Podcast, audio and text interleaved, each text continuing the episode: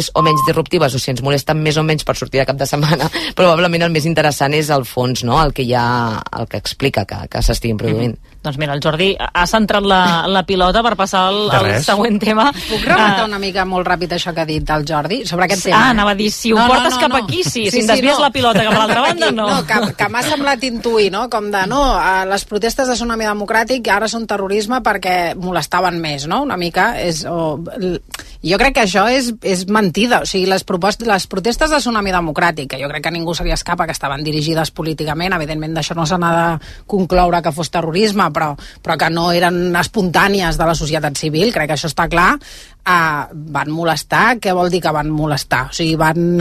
Altra cosa és que hi hagi unes ganes de venjança per part dels estaments estatals, que ja sabem quins són, però van molestar fins a un punt, l'aeroport es va interrompre durant unes hores, després tothom se'n va anar cap a casa i la cosa no va anar gaire més d'aquí, més enllà que durant uns dies, al sortir de la feina, la gent doncs, anava i protestava davant de la seu de la delegació del govern espanyol. No entenc, no entenc el matís, és a dir, evidentment és un tema de percepcions. Quan l'estat espanyol percep que li molesta, aleshores reacciona. Una altra cosa és el que tu i jo pensem, eh? que pensem molt diferent que ells, però ells, ells van interpretar que era un tema que molestava moltíssim i per tant va reaccionar i és el que encara estan fent. Sí, però molestaven no les protestes en si, molestaven el que ells interpretaven que era qui les liderava des no, no, del punt de vista del que s'havia fet que, abans. Jo penso que van començar a veure que això tenia una certa capacitat de bloqueig d'infraestructures bàsiques.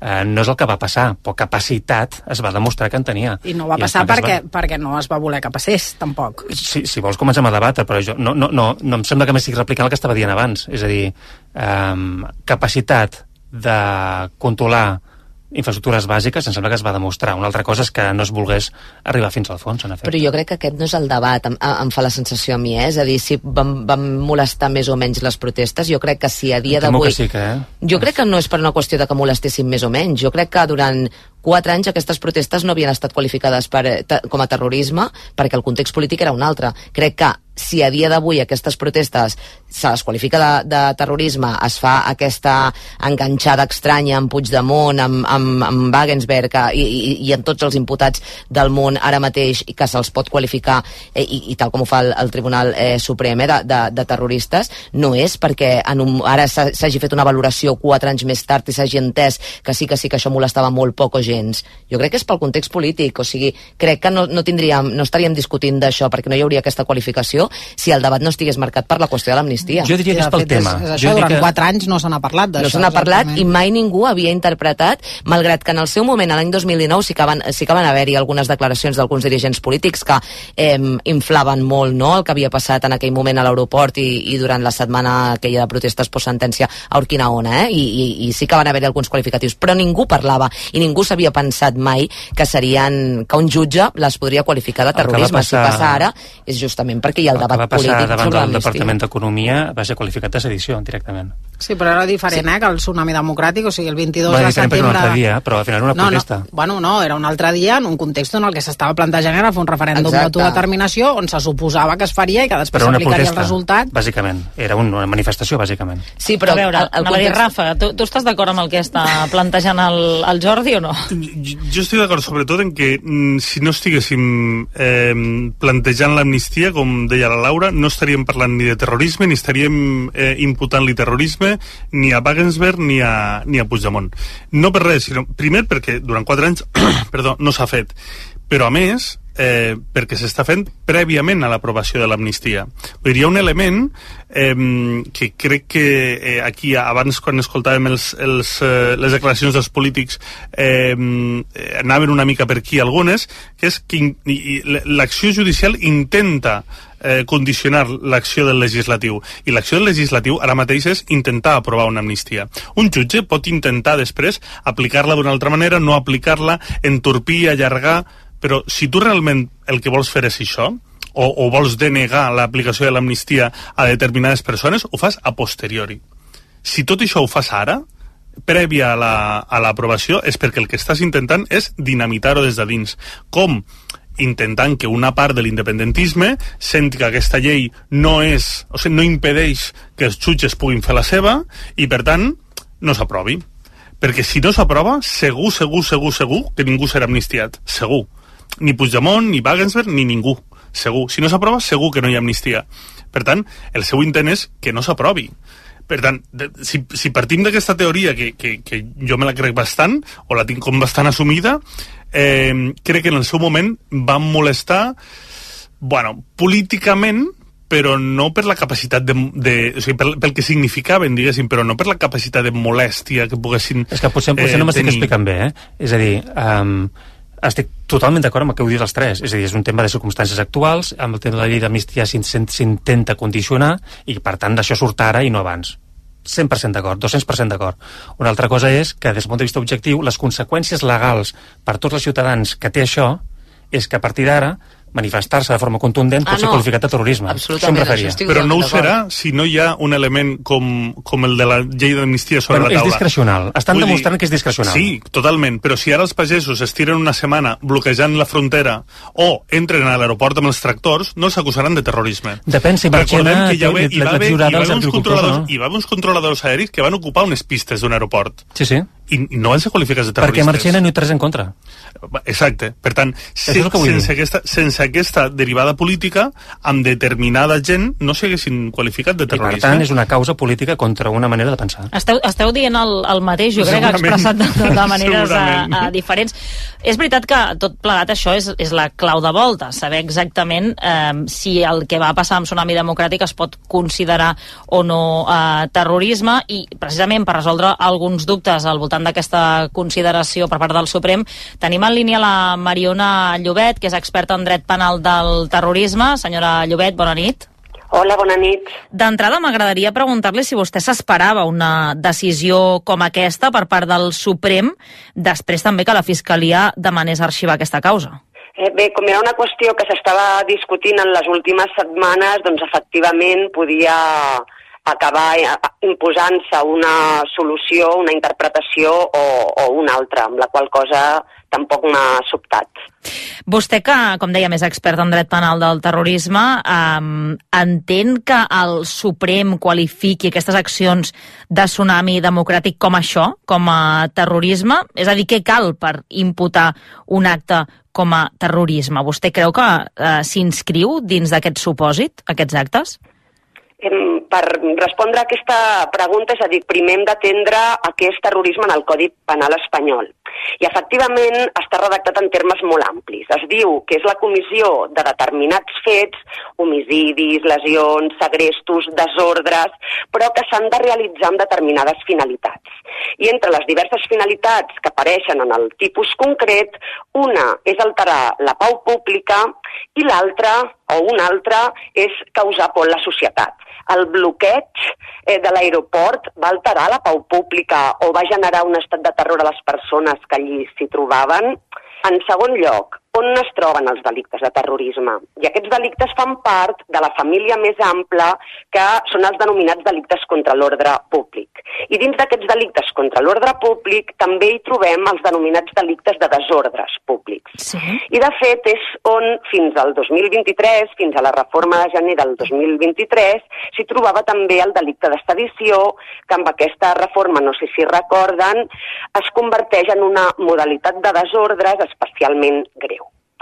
Per això deia, si tenim dues famílies eh, vinculades amb l'ordre públic, però una és més greu que l'altra, és a dir, les sancions són més altes, Sí. i a més a més responen a realitats criminològiques diferents, és a dir, el terrorisme es vincula amb conductes violentes i reiterades que tenen finalitats polítiques, oi? Pensem en beta, i en canvi els desordres, oi, són manifestacions violentes, talls de carreteres, preses de ports o d'aeroports, amb la qual cosa, com deia, tenim eh, dues realitats criminològiques diferents i penes diferents. El terrorisme és més greu. Uh -huh. I, òbviament, eh, quan ens trobem de, davant d'un cas que s'està discutint si és o no terrorisme, com diferenciar el terrorisme d'aquestes figures doncs, que, com deia, estan emparentades als desordres públics.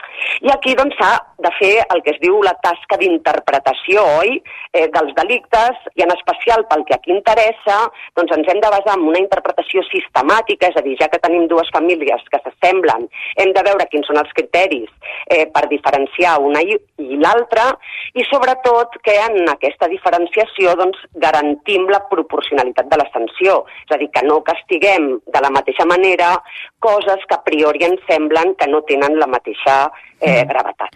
Doncs bé, pau públic, eh, pau pública, perdó, i ordre públic no són el mateix. La pau pública, s'ha dit sempre per part del Tribunal Suprem, és un estat de calma, de sossec en relació als béns més preuats, la vida, la integritat, és a dir, que no ens esclati una bomba en qualsevol moment. En canvi, l'ordre públic estaria conformat per transgressions de l'ordre comunitari, és a dir, eh, inobservància de regles que faciliten la convivència. Una sentència del Suprem havia dit que aquests delictes doncs, el que volen evitar és que la calle no se convierta en patrimonio de alborotadores. Uh mhm. -huh. Amb la qual eh, cosa on, amb aquesta lògica, amb aquesta manera d'interpretar aquests delictes fins ara, sembla que s'encabiria millor tsunami democràtic? Doncs en aquesta segona família, en els desordres, no en la eh, família del terrorisme, que precisament sempre s'havia doncs, pensat especialment en Beta, en Al-Qaeda, a casa nostra, i és que són organitzacions, grups que de forma reiterada cometen delictes molt greus per aconseguir fins polítics. En canvi, com deia, els desordres no persegueixen ni matar ni lesionar, tot i que és cert que en aquests aldarulls acostuma a haver-hi agents eh, lesionats i que això, òbviament, pot donar lloc a delictes eh, d'atemptat, però no s'hauria de confondre una realitat amb, amb una altra, amb la qual cosa a mi em sembla que no és correcta la consideració de tsunami com a eh, acte de naturalesa terrorista. Mhm. Per tant, li, li vull preguntar també, vostè que deu haver a, analitzat alguns casos que s'han qualificat com a terrorisme,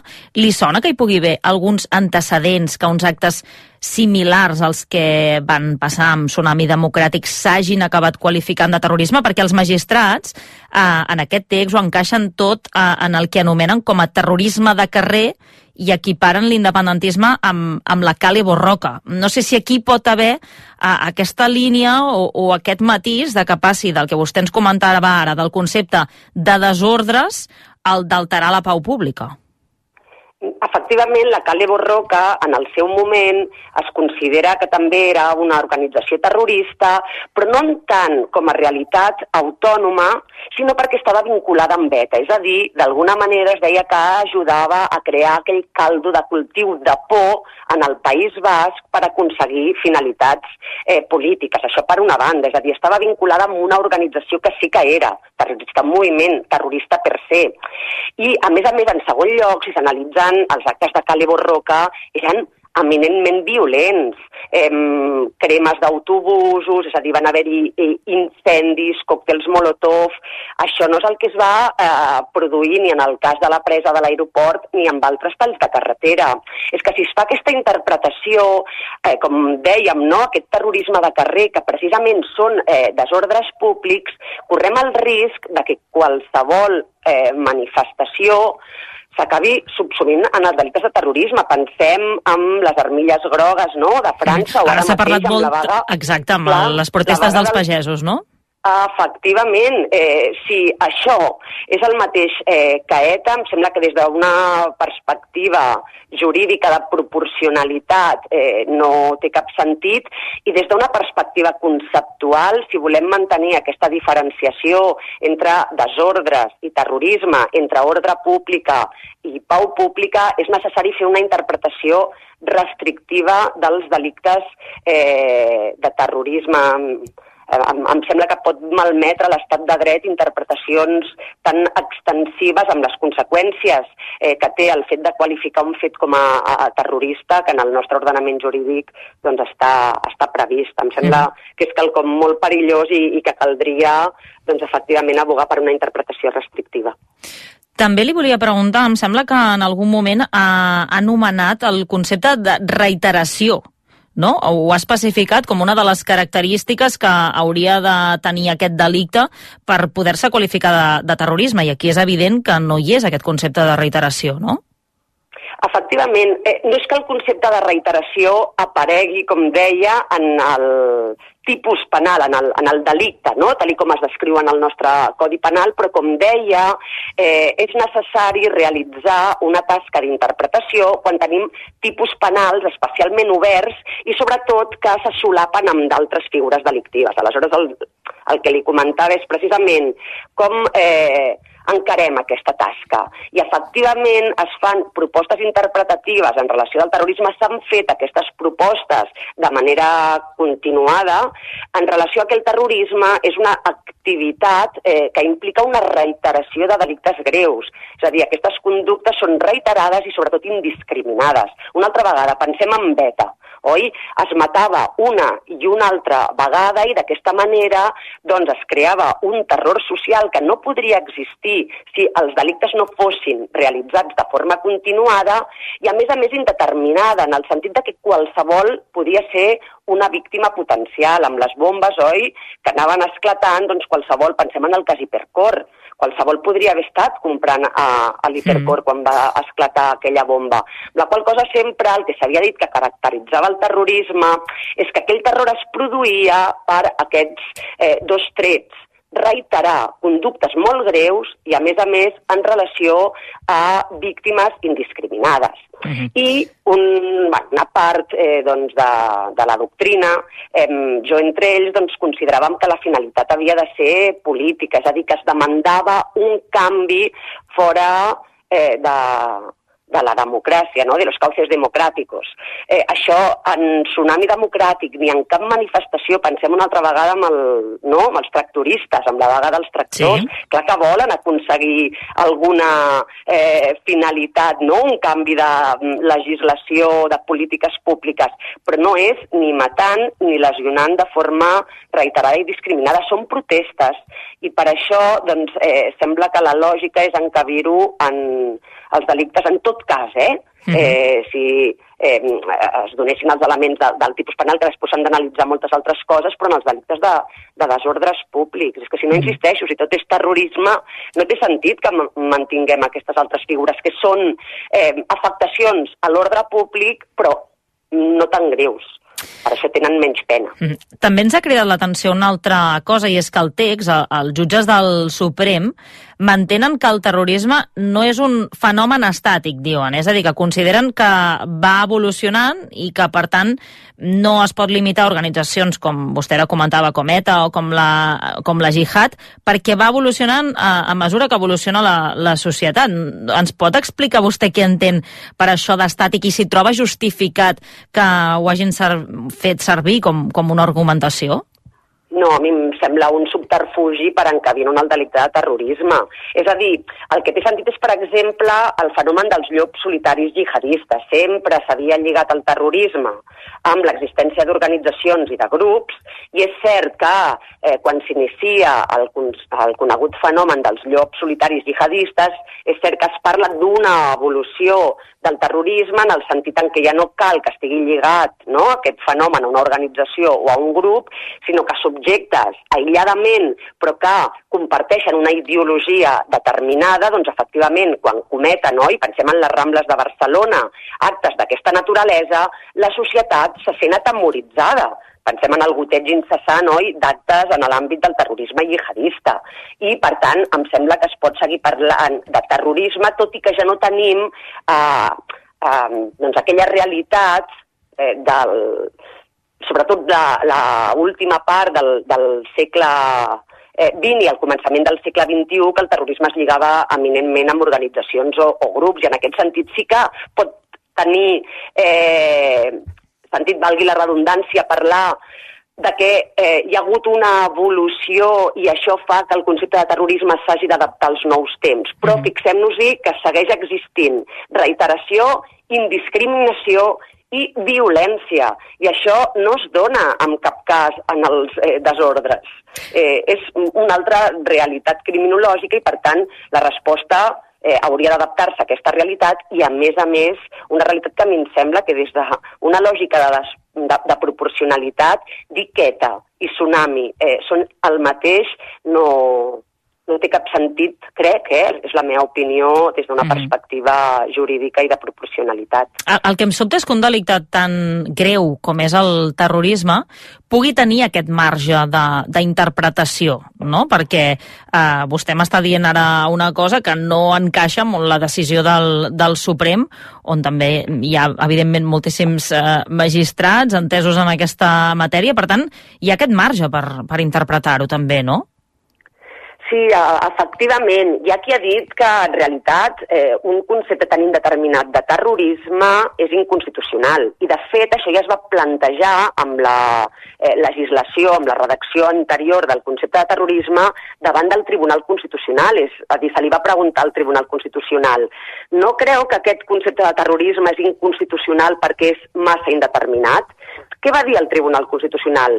Que no és inconstitucional perquè en tant en quant hi ha eines eh, d'interpretació lògiques que poden doncs, determinar quin és el concepte de terrorisme, doncs no es pot dir que aquest concepte eh, sigui inconstitucional. Però, clar, precisament el problema és que ara no s'està fent aquesta interpretació, des del meu punt de vista, eh, eh, lògica i restrictiva que s'hauria de fer en relació al terrorisme. Però això que vostè m'ha preguntat, com li dic, ja es va eh, plantejar als anys 80 del segle passat i el nostre Tribunal Constitucional va dir que no per aquestes raons. Mm. Però és cert que si es segueix fent una interpretació com, com aquesta, valdria la pena tornar a um, plantejar una qüestió d'inconstitucionalitat perquè una redacció tan ampla d'aquest delicte està portant a decisions, des del meu eh, punt de vista, absolutament desproporcionades. És a dir, si no hi ha lògica per part de qui aplica, que és el que d'alguna manera doncs,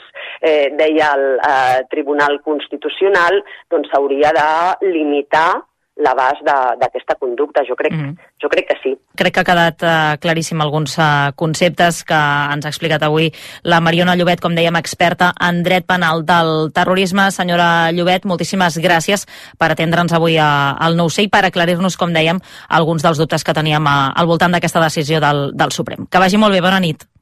Gràcies a vostès, bona nit. Les 9 i 22 uh, minuts, bé, ha deixat clars, jo crec, alguns termes. Un, que és veritat que hi ha marge per aquesta interpretació de què vol dir un delicte de terrorisme i no, que això als anys 80, ara ho sentíem, no? Eh, ja es va plantejar eh, que fos inconstitucional, es va rebutjar, però igualment ella diu que hi ha una gran diferència entre el que es pot considerar terrorisme i que per tant hauria d'alterar uh, la, la pau pública i el que es considera com una transgressió de l'ordre públic, els desordres públics, que és on uh, considera aquesta experta en dret penal del terrorisme que es podien emmarcar en tot cas el, els actes que, que es van cometre per part de, de Tsunami Democràtic. Com, com veieu aquesta, aquesta reflexió al voltant d'aquest concepte, concepte de terrorisme i què hi entra i què no hi entra? M'ha semblat molt interessant aquesta reflexió que si tot és terrorisme, llavors els altres tipus penals, com els desordres públics, perden sentit, no? I formen part del Codi Penal igualment i hi ha d'haver fets que s'hi puguin subsumir, perquè si no, no tindria sentit i el legislador n'hauria previst un altre. Vull dir que en la pròpia voluntat del legislador, que moltes vegades els juristes apel·lem, no? La voluntat del legislador fent aquesta distinció, crec que queda clar que... Ja no existirien que... dos conceptes diferents exacte, si tot fos el mateix, tant, no? Exacte, si tot ha de ser terrorisme, llavors el propi legislador ja s'hauria carregat el delicte d'ordres públics perquè no tindria sentit, perquè tot podria passar pel terrorisme. Llavors crec que això, que aquest és un argument eh, molt potent.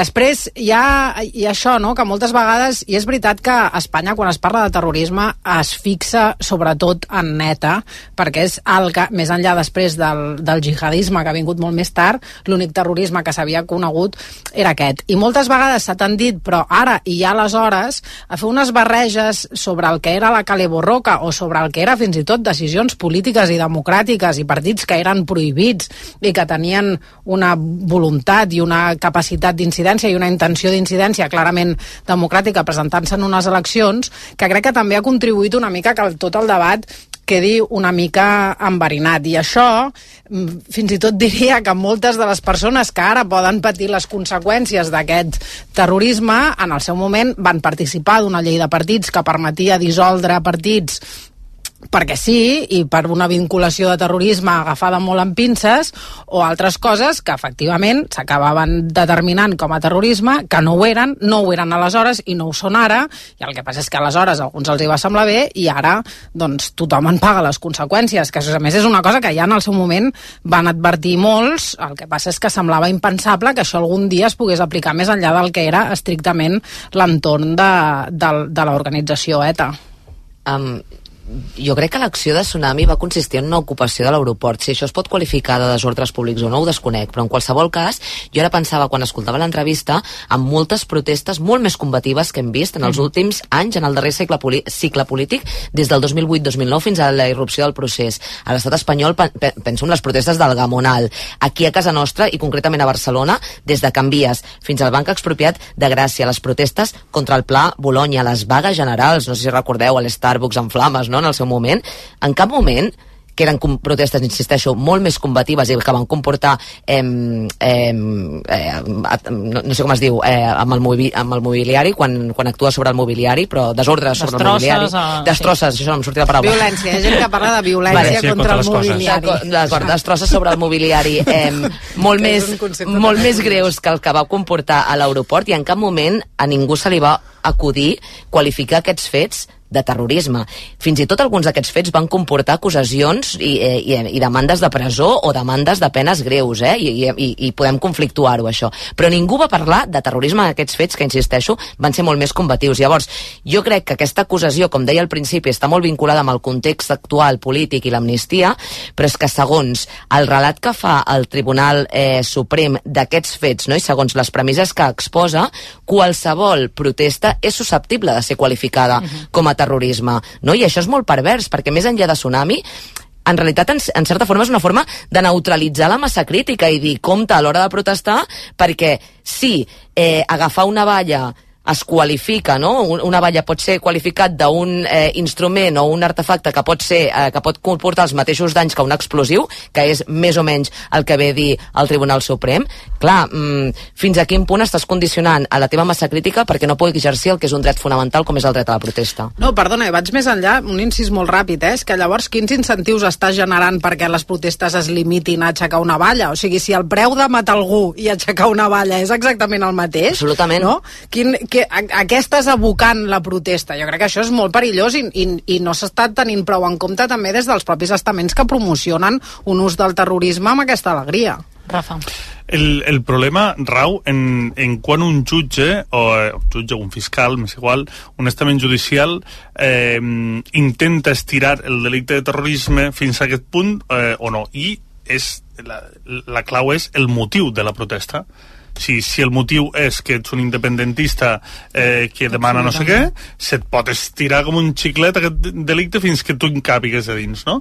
Eh, en canvi, si ets, pues això, eh, uns estudiants, uns pagesos, uns eh, eh, camioners, m'és igual, eh, doncs, bueno, doncs aquí, clar, seria, seria una barbaritat, no? Bueno, doncs si, si, si l'estament judicial actua així, potser el que hem de controlar és l'estament judicial. Eh, dilluns passat, el, a l'Agència Catalana de Notícies publicàvem un reportatge amb, amb eh, entrevistes amb, amb víctimes d'ETA i, de, i de les atemptats sí, de la Rambla. Sí, sí, ens en vam fer ressò aquí Exacte. a RAC1 també.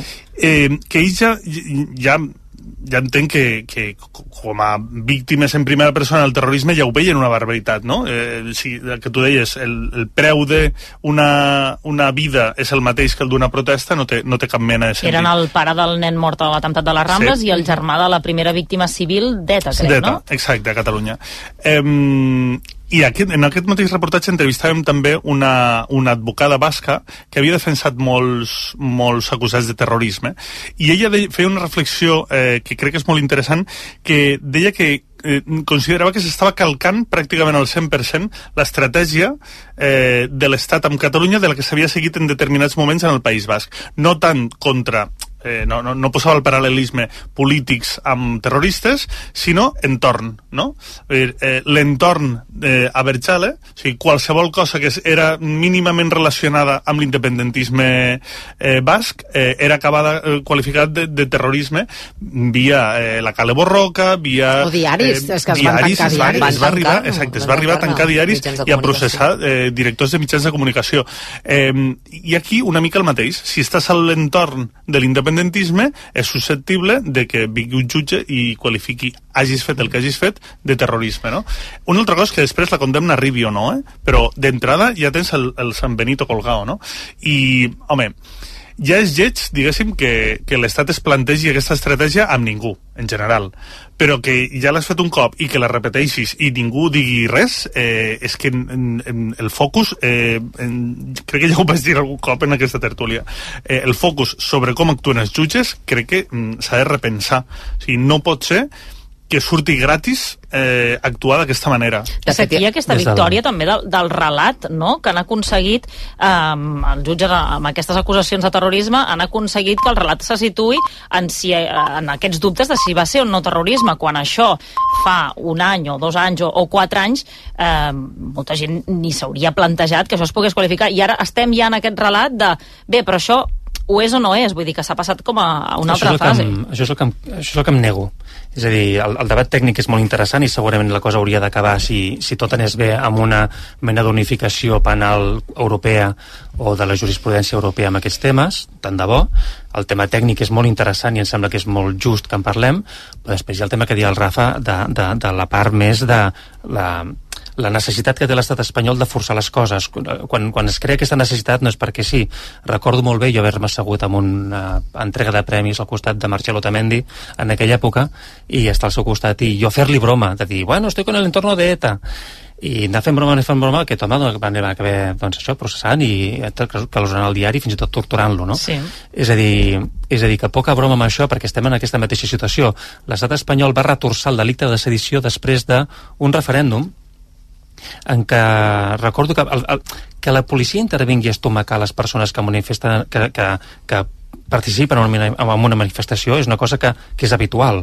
El que no és habitual és portar vaixells amb policies per intervenir en un territori per gent que està ocupant escoles.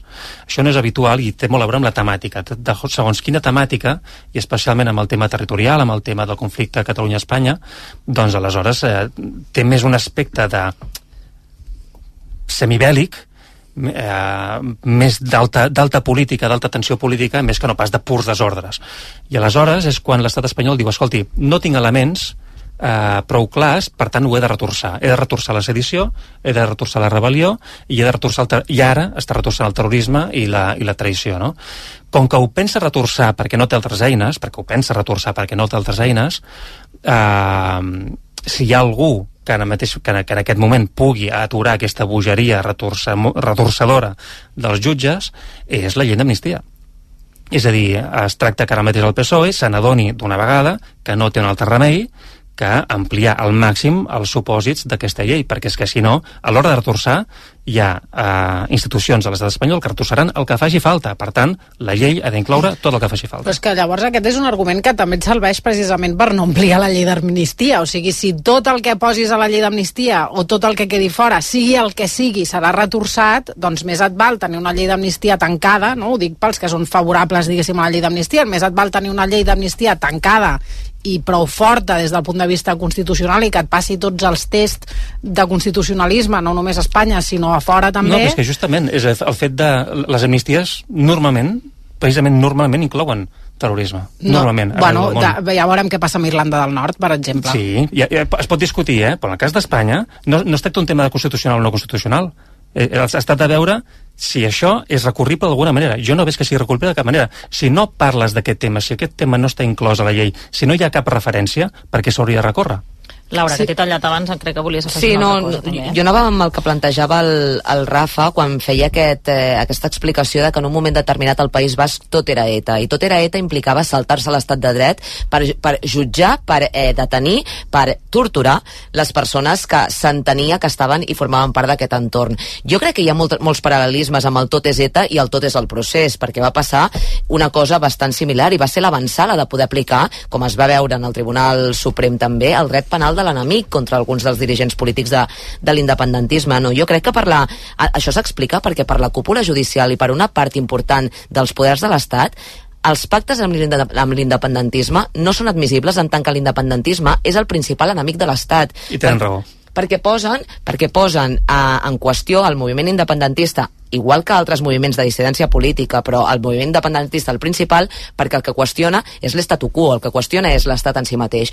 I protegir l'estat val per aquesta gent saltar-se l'estat de dret. Per això, i, i aquí enganxo una altra vegada amb el debat sobre l'amnistia, per mi la perversitat més extrema de tot això és que jo crec que entri tot a l'amnistia o no entri res a l'amnistia, a efectes pràctics Sí, tindrà, té poca, importància. tindrà poca importància, perquè crec que la llei... els hi queda l'adulteri. No, però crec que la llei, tal com s'aplicarà, no tindrà en compte la voluntat del legislador. Crec que la llei s'aplicarà d'acord amb els criteris ideològics de qui l'hagi d'aplicar. I si la cúpula judicial considera, té aquesta concepció de que a l'independentisme n'hi ha aigua perquè entenem que és el principal enemic de l'Estat amb el qual s'ha pactat un govern que entenem que és il·legítim, intentarem rebentar la principal, el principal punt d'acord que ha fet possible aquesta, aquesta, aquesta aliança entre govern espanyol i independentisme, que és la llei d'amnistia. Llavors, clar, la perversitat és que estem donant-li moltes voltes amb ostres, però això queda prou sòlid, però això s'hauria de ficar, però això quedaria dins, però això quedaria fora, però això és constitucional, quan penso que la, el principal problema serà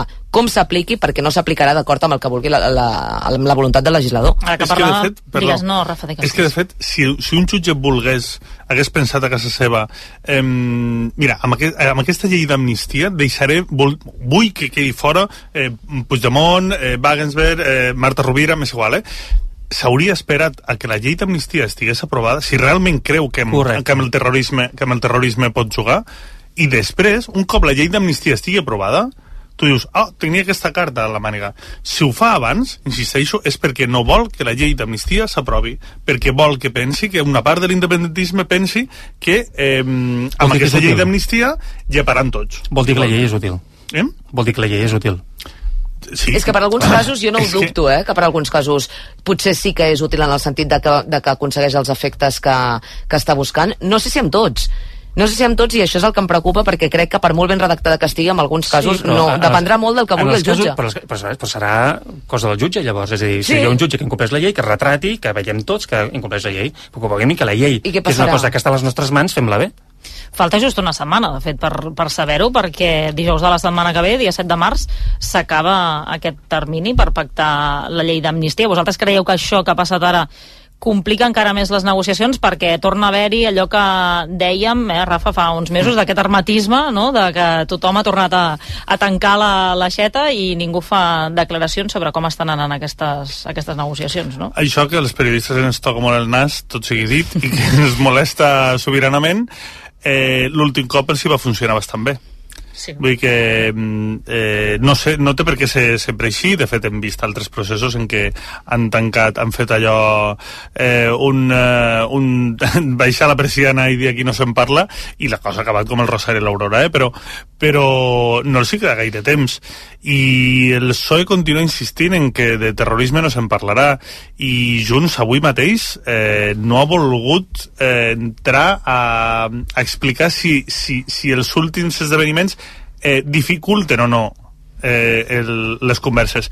Per tant, això fa pensar que el, sí que segurament hi ha algo, algo que es, Els tothom es pot ofert parlar acollir. també, però no, no han volgut. No, serà, no, la no, rebaixa crec, de serà la rebaixa de l'IVA de l'oli d'oliva. al final. Punt d'acord. Ho hem desbloquejat perquè hem pactat una rebaixa de l'IVA de no sé què. Ja estem que el tema sigui molt seriós. Jordi, com ho veus? Tu creus que en aquesta setmana hi ha marge? És a dir, tu confies que s'aprovi aquesta llei d'amnistia? No gaire. No gaire. És a dir, em sembla que, em sembla que, que hi ha mostres que el PSOE té una voluntat tèrbola. Eh, no, no, no sòlida, no, no clara, eh, no és tan difícil. No, no, no és tan difícil intentar incloure tots els casos. L'any 78 això era molt fàcil. L'any 78 s'incluïa tot. S'ha acabat. Uh, aquesta manera de posar excepcions com si ara mm, excloure el delicte de terrorisme d'aquesta llei és tan, per mi, tan equivalent a, a exclo excloure'n els delictes contra el medi ambient. No té cap sentit. Tot per això tant, que... aquest, aquesta mena d'agafar-se un pinces del PSOE em fa sospitar que segurament la voluntat no és clara. Tu creus que, o sigui, entenc que és el discurs que, que has de fer, eh? Però tu creus que realment ha arribat el moment... És el meu discurs, Maria. Sí, vale, d'acord. Però tu creus que ha arribat el moment, i pel que coneixes també, diguem, el món, a, a Junts, que en aquest cas és qui té la paella pel mànec, pot permetre's que no hi hagi llei d'amnistia abans que no pas que hi hagi una llei d'amnistia que consideren que és imperfecta? Just no té cap pressa, em sembla. Em sembla, eh? És a dir, si no surt, si no surt eh, eh, justa, una amnistia és una cosa prou seriosa com perquè pugui incloure tothom. És una paraula prou grossa com perquè hagi d'incloure tothom. Si no es fa amb aquest govern, es farà amb un altre. Amb quin? Amb el que toqui. Anava a Jo què sé, és el seu problema. Ho També dic és perquè veritat que amb la PP situació... amb PP i el Vox problema, és el problema que de no. qui ha de ser amnistiat, Sí. en aquest cas. Exacte. Anava a dir que la situació pel PSOE també és diferent la de fa un mes a, a la d'ara, no? Perquè eh, estan en una situació, amb tot això que ha passat aquests últims dies, amb tot el cas Coldo, en una situació de més debilitat. És a dir, Clar. això creieu que també pot influir en aquestes negociacions que digui, ostres, ara potser mm, no podem cedir en una cosa més tenint tot aquest context. Jo crec que sí, efectivament, i afegeix més dificultat. Jo no tinc ni idea del que passarà i de si hi haurà un acord entre Junts i el PSOE. A mi em fa la sensació que és difícil d'explicar que no arribin finalment a un acord i que no s'acabi aprovant la- l'amnistia, bàsicament perquè ha estat, do, ha estat l'element central des de que ha començat la legislatura, no? Um, llavors, jo crec que als dos actors li interessa, els interessa als dos acabar-la aprovant, no, per, per qüestions diferents. Evidentment, el PSOE no és per una convicció política de que consideri que l'amnistia eh, és una, una llei que s'hauria d'aplicar perquè políticament considera que és vàlida, eh? sinó per una qüestió aritmètica i de més, però a, a, a ficats ja, no? entrant d'estar a la cocina com ha entrat, i estan junts que, que la requereix, i Esquerra Republicana també per l'altra banda, però amb aquests no hi ha conflicte, um, jo crec que és difícil que puguin argumentar o justificar que no s'acabi eh, aprovant. Ara bé, efectivament, com deies, jo crec que tot aquest context que estem veient els últims dies i que Escoldo crec que encara ho dificulta una, ja, dificulta encara més una legislatura que ja era molt difícil de per si, que s'ha anat complicant amb els pocs, amb els pocs dies que fa o mesos que, que, que, que, que camina eh, i que segurament eh, el cas de, el cas que hi ha sobre la taula, el cas Coldo segurament també a més eh, dificulta que el PSOE pugui fer cap moviment favorable als interessos de, de Junts i que es pugui justificar bé també, no ho sé. Creieu això que pot complicar encara més o que el PSOE, mm, si pensava potser fer algun petit pas, ara es pugui fer enrere? Quan tens el poder, quan estàs a Moncloa, diguéssim, i dors allà cada nit, eh, el poder el tens tu. Això és així. I... Sí, però la por a perdre el poder també... Jo havia entès- Quan el Perdre el, poder, el tens. perdre el poder és no tenir suport parlamentari o perdre el poder és convocar unes eleccions i perdre la Moncloa. Perquè, en realitat, eh, jo crec que el, el PSOE estava més atemorit quan no tenia la investidura garantida. Un cop tu tens un govern, eh, les pots passar molt magres si Junts s'enfada, eh? I, I si Junts diu, em trenquem la baralla, a partir d'ara t'apanyes tu amb qui puguis. I les pot passar molt magres. Eh, però per a Junts, l'única manera de poder incidir i treure rèdit d'aquesta posició de força que té ara mateix és estant a bones amb el PSOE. Estant a males, no et treus cap rèdit. Bueno, l'únic rèdit que pots treure és si després et vols presentar a les catalanes com eh, el partit, diguéssim, que, que és capaç de trencar, de trencar la baralla política abans que eh, suportar determinades coses Que és una temptació forta, eh? que és una tentació forta, però quan tu tens la capacitat d'incidir, en política la capacitat d'incidència és eh, la meitat d'aquest poder i que és la meitat que li falta al PSOE, diguéssim, eh? Per tant, jo crec que quan, quan, quan valorem riscos, diguéssim, eh, sovint ens oblidem que, que qui dorm a la Moncloa cada dia eh, és Pedro Sánchez i que això ell ho té garantit fins el dia que ell vulgui.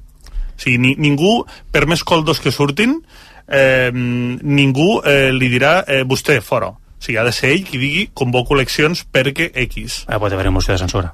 Sí, eh, Però- bueno, no, no crec que les majories donin, però en tot Bueno, cas, les perquè les, canvien. perquè les mocions de censura canvien. no treuen presidents, en posen d'altres. Sí, el Pedro dir- Sánchez és resultat d'una moció de censura, precisament. Sí, sí, sí, però era posant un president. No, no, hi ha d'haver una, una majoria, una diguéssim, alternativa. parlamentària Sí, sí, sí. alternativa. Sí, sí, en- I en crec que en el efecte. Congrés seria molt complicat tenint en compte les majories que n'hi ha ara. Bueno, eh? Sí, però coses. quatre anys per davant. Estan totalment No, d'acord amb el que dius, però quatre anys per davant, Però amb els de teus socis de govern fent oposició, No, quatre anys no ho aguanta. Ojo, això no- això és impossible estem molt, d'aguantar. És molt és preocupats sobre impossible. les capacitats del PSOE per cedir o no cedir. Junts també té les seves problemes per determinar quina pèrdua de vots li pot comportar, per exemple, aprovar la llei d'amnistia tal com està ara, segurament electoralment per Junts seria un desastre. Per tant, també hem de tenir en compte aquest element, que també té, Junts també té aquesta pressió. I després una altra cosa, jo pensava, tenia entès que Pedro Sánchez era, el, era un home que es creixia davant de les, ad- les adversitats, no? Era un fins valent, Ara, fins ara... un valent reformista... Si se li han acabat les set vides, no? Perquè en porta unes quantes, hem perdut el Eh, recompte. Jo havia entès que era la persona que havia de reformar Espanya. crec, doncs, que, crec que és més oportunista que reformista, eh? I, o, però, però és veritat que, que quan se li ha plantejat una dificultat jo crec que el que fa és arriscar, que en política últimament, sobretot en les últimes dècades, eh, ha, anat, ha sigut una qualitat que ha anat de, de, de cap a caiguda, diguéssim. Ell arrisca i per casualitat o no, o per habilitat, li ha sortit bé en algunes ocasions quan tothom ho donava per perdut. Això és veritat. A mi em sembla interessant això que, que dèiem, d'aquesta temptació que jo crec que és forta a dins de Junts per, dir, per estripar la baralla i poder-se presentar a les eleccions catalanes com els, els que de veritat aguanten i no, i no combreguen amb rodes de molí i, i crec, insisteixo, que aquesta tentació és molt forta, però crec que també controlar el que s'explica després, que al final estem en aquesta tessitura o el debat és aquest, perquè sobretot afecta a una persona de Junts, que és Carles Puigdemont. No? O sigui, estem parlant de fins a quin punt el terrorisme obstaculitza o no obstaculitza la llei d'amnistia, perquè hi ha una persona a qui s'imputa ara de manera nova per terrorisme, que és Carles Puigdemont. Llavors crec que per Junts tampoc no serà fàcil. Més persones imputades per terrorisme. Sí, sí, però, però el que ha fet, diguéssim, trontollar-ho tot és, és això, és aquesta novetat del Tribunal Carles Suprem perseguint la, a Carles Puigdemont. La persona que està més protegida en aquest, en aquest sentit. D'acord, perquè, bueno, si, si es torna a presentar les eleccions No, no, no, europees i si... perquè, perquè tots els tribunals europeus normalment l'han protegit. Sí, sí, però, bueno, perquè, perquè a més de moment... qualsevol- per- per- per qualsevol D'acord, delicte, però a més eh? a més de moment és, és eurodiputat.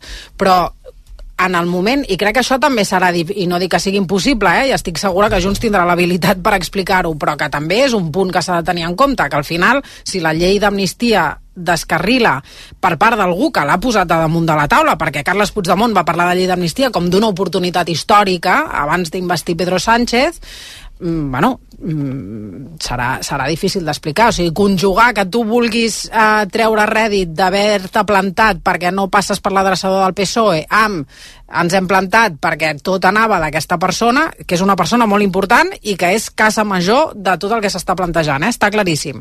Però s'haurà d'explicar bé, també. Passa un minut de tres quarts de deu de la nit, farem una pausa i quan tornem canviarem absolutament de tema. Abans hem parlat d'un projecte que s'està aprovant a Manresa i Vic per evitar la segregació eh, escolar. De seguida explicarem en què consisteix i si creieu que pot ser un bon sistema o no per evitar, com dèiem, aquestes situacions de màxima vulnerabilitat, a, vulnerabilitat en algunes escoles. Ara tornem. No ho sé, amb Anna Ballonesta. A Mundo Deportivo ho vivim tot minut a minut. La tensió de cada jugada. L'adrenalina de cada volta. L'emoció de cada punt. Els nervis de cada final. Mundo Deportivo. Ho donem tot. Oh, Cafè Mio. Gourmet La Vanguardia et porta a casa l'autèntic cafè italià amb la màquina S Cafè. Una cafetera única amb un kit de degustació de 18 càpsules i 6 tasses de disseny per només 89 euros. Comença a gaudir de l'aroma del veritable espresso a gourmetlavanguardia.com RAC més 1. Aquest divendres l'Eurolliga juga a RAC més 1. A dos quarts de nou, des del Palau Blaugrana, Barça-Mónaco. Després de l'aturada, els blaugranes afronten la recta final de la Lliga regular. Llançament de tota la vida i cap a dins. Viviu el partit a l'app de RAC1 i a RAC1.cat amb Dani Aguilar, Albert Ferran i els comentaris de Jordi Colomer. Aquest divendres, l'Eurolliga torna a RAC Més 1. Feel devotion.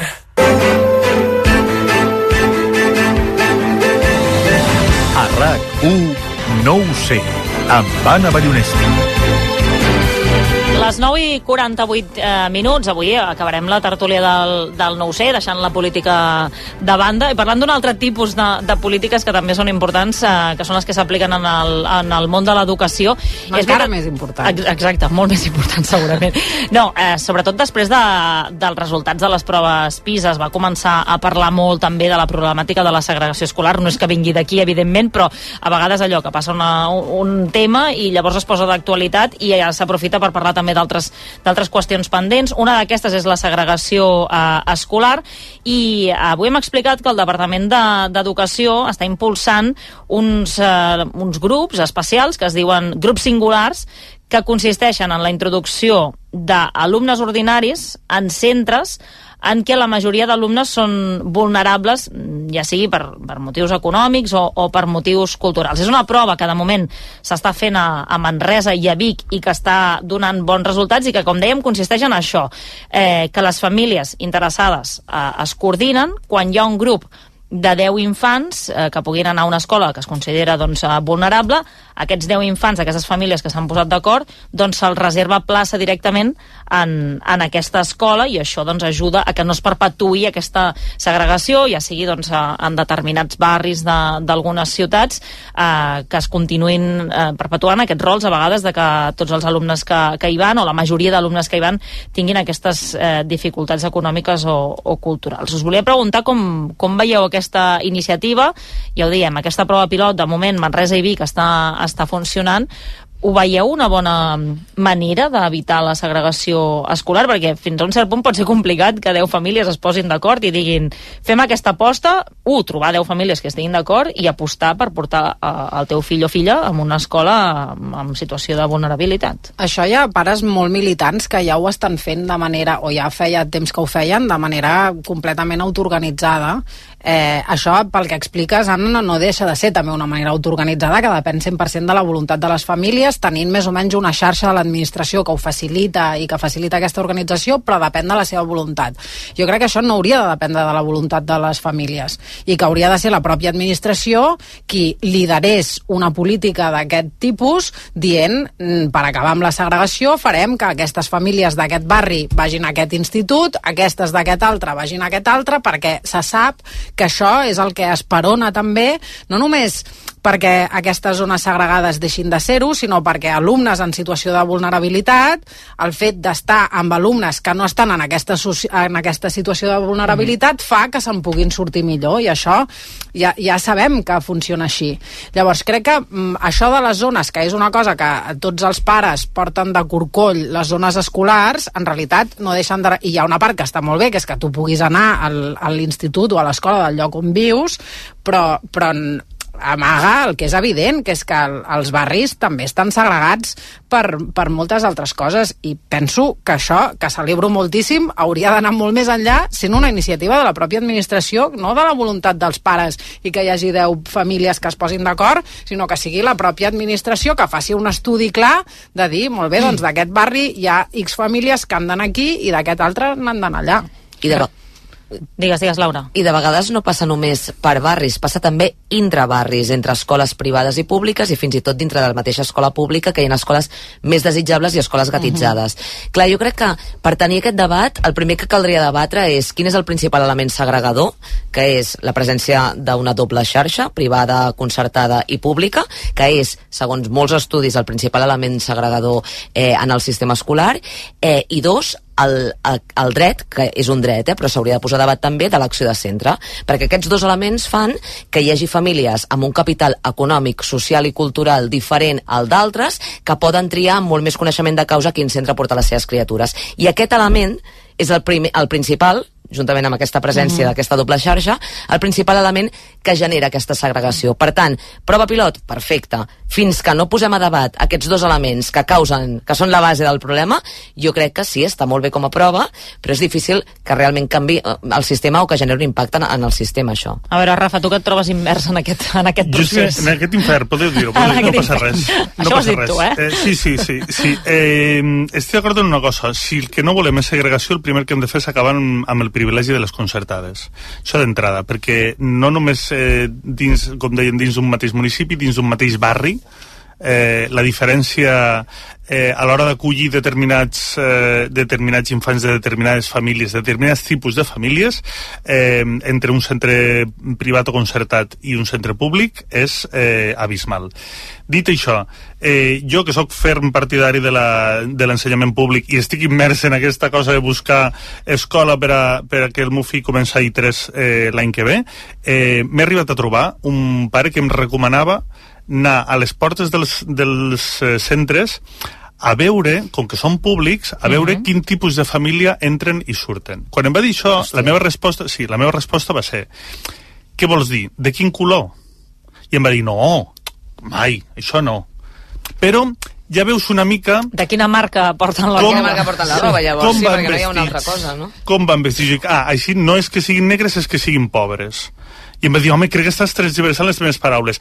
Crec que aquest pobre home, que una salutació si m'està escoltant, eh, eh, no, no, no, no ho deia perquè ell fos un, una persona eh, racista ni classista. Vaja. Ho deia, Mm. no, no sé, el conec relativament no poc, però conscientment. crec, crec que va més enllà. Crec que, o sigui, ell de fet ho deia perquè un una persona de la seva confiança li estava recomanant això i ell entenia que això és un element a tenir en compte per com funciona a dins el centre. Mm. I això és un greu error, perquè si tu entres a aquell centre, sigui el que sigui, encara que sigui un centre mm. d'alta complexitat, te n'adonaràs que allà hi ha uns professionals que d'entrada el que intenten és eh, fer mans i mànigues amb els recursos que tenen. Sigui mm, un centre d'alta complexitat o no. I a part d'això, tenen uns projectes, en general, que encaixen bastant amb la realitat del teu fill i del barri en el que viu. Per tant, s'adapten al màxim possible. Iniciatives com aquestes em semblen superlloables. O sigui, eh, crec que són fins i tot necessàries. El que passa és que segurament determinats centres necessiten un suport una mica més enllà, entre altres coses per donar a conèixer què és el que fan a dins i, i veure que, que un pare si se'n va a la porta del, o una mare se'n va a la porta d'un col·le i veu que surt molta gent de moltes races diferents o surt gent amb classes socials diferents, no passa res. A dins es pot estudiar igual de bé o igual de malament, tant si són tots nens pijos com si són eh, gent amb pocs recursos. I això no, no canvia la manera de, de, eh, d'actuar dels professionals que hi ha a dins. Al contrari, segurament el fet de ser més conscients del que tenen fa que si eh, tu no pertanys a aquelles mm, famílies més vulnerables, eh, tinguis l'oportunitat d'oferir en aquelles famílies vulnerables una altra realitat que ells no coneixen. Per tant, crec que no hauria de ser un element eh, decisori. Lamentablement, és veritat, quan els pares eh, triem eh, escola per als nostres fills, ens tornem una mica tarara, eh, semblem, sí, sembla, sembla que estiguem decidint el futur del, del món, diguéssim. Si veieu que- pares atabalats eh, aquests dies, és això, eh? És, que això, estan triant és a, això. a escola. És això i en dues setmanes s'acaba, no patiu.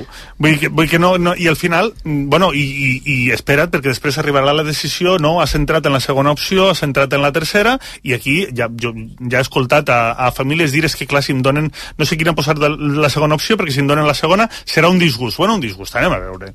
Dir, relativitzem-ho tot. O sigui, els professionals saben el que fan, també, no? I, i, i no hi ha o sigui, hi ha molts pocs centres que, eh, que, que, que hagin de ser un, resultar un desastre per al teu fill. Vull dir que, Que- hi ha més elements. Per portar-li una mica la contrària al Rafa, Gràcies. jo crec que sí que...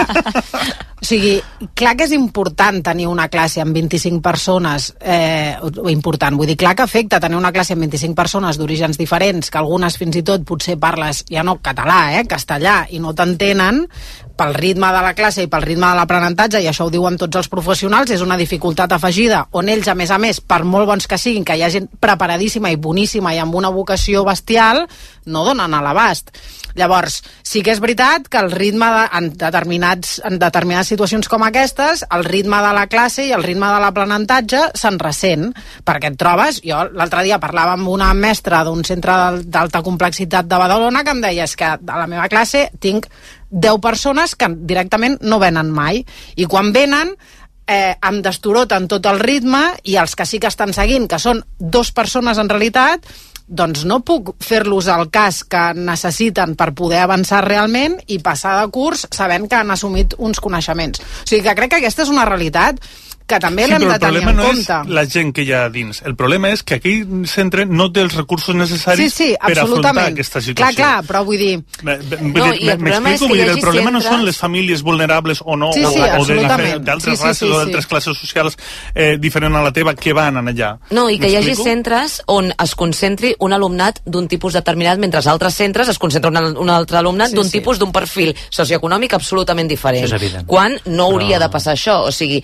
l'escola hauria de ser, és, en realitat, eh, aquell espai on tots els alumnes haurien de ser iguals, per no? molt que la llei ho contempli, perquè diria que legalment està previst, no? que les, fins i tot les concertades doncs, puguin tenir aquest punt d'obertura, eh, la realitat és la que és, i en, efe- i en efecte, al final, és prou la que és com perquè s'hagin d'organitzar teu famílies per, per aconseguir això.